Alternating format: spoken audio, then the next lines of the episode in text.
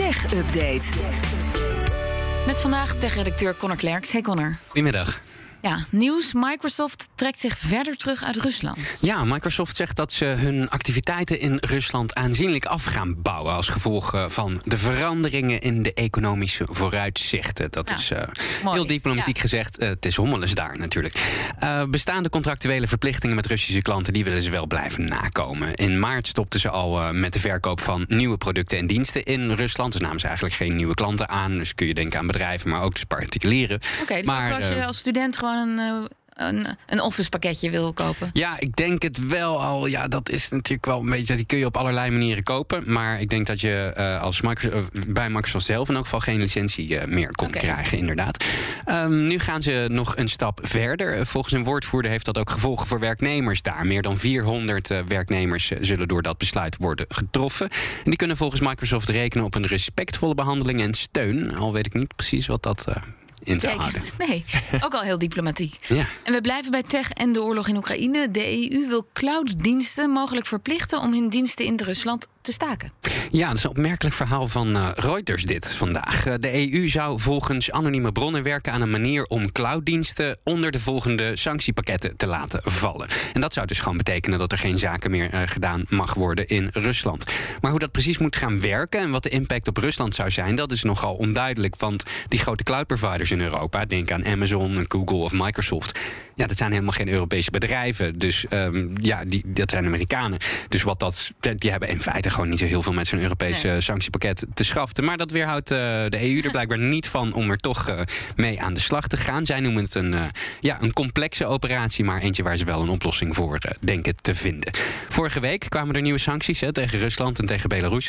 En in een vroege conceptversie van een persbericht over die sancties zou volgens Reuters hebben gestaan dat clouddiensten ook onder die nieuwe sancties zouden vallen.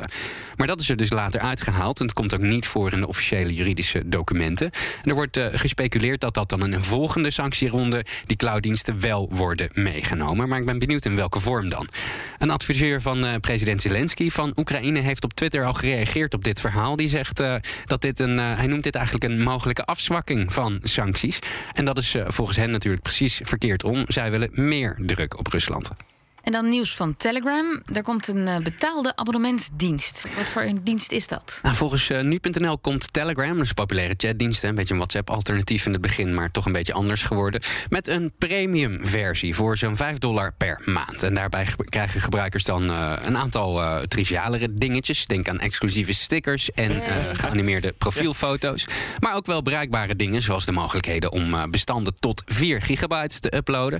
Dat is twee keer zoveel als de gratis dienst. En snellere downloads, ook meer tekens voor in je bio en een korte Ik beschrijving. vind het nog niet een, een heel goed verkooppraatje Nou, van. ik ben er ook nog niet. 5 dollar eh, per maand. Ja, ik ben er ook nog niet. Eh, belangrijk is ook zeker geen advertenties meer. En dat is toch iets waar eh, in veel gevallen mensen bereid zijn om voor te betalen. En ook zou de premium eh, dienst van Telegram stemopnames op om kunnen gaan zetten in tekst. En dat zou ik van harte toejuichen. Want dat is heel goed voor ja, toch de egoïstische horken in je vriendenkring... die uit luiheid zo'n ellenlang betoog inspreken... waar jij dan tijd maar ik voor snap moet het, als gaan je dan maken. achter het stuur zit, dan kan je niet typen. Dus dan moet je dat dan eventjes als een betoogje dan, doen. Dan wacht je maar Ik even. Want ik zit dan even. gewoon, dan krijg ik mijn telefoon en dan krijg ik een bericht binnen van 2,5 minuten. En dan denk ik, god, moet, ik nou, moet ik nou weer tijd voor gaan maken? Terwijl ik het anders gewoon lekker kan Precies, We lezen. waren net zo blij dat we afscheid hadden genomen van de voicemail. Exact, Ja. exact, Ondertussen exact. zitten mensen gewoon naar de radio te luisteren. En zitten ze gewoon een uur lang naar stemberichten. Ja, maar wat wij maken, Kees, is veel interessanter. Ja, oké, precies. Dat hoop ik wel in elk geval.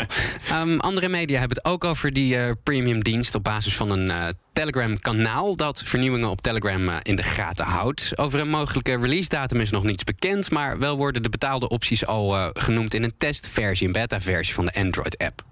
Maar de gratis versie die blijft ook bestaan. Ja, het blijft eh, als het goed is eh, gewoon eh, bestaan en gratis. Eh, vorig jaar heeft de oprichter van Telegram, Pavel Duroy, wel aangekondigd dat ze al op zoek gingen naar manieren om geld te verdienen. En ja, als je zo'n app hebt gebouwd en die wordt dan zo heel erg groot, dat kost natuurlijk ook heel veel geld. Dus eh, ja, dan mag het dan ook al een beetje verdiend worden op den duur. Dankjewel, Connor Klerks. De BNR Tech Update wordt mede mogelijk gemaakt door Lenklen. Lenklen. Betrokken expertise, gedreven resultaat.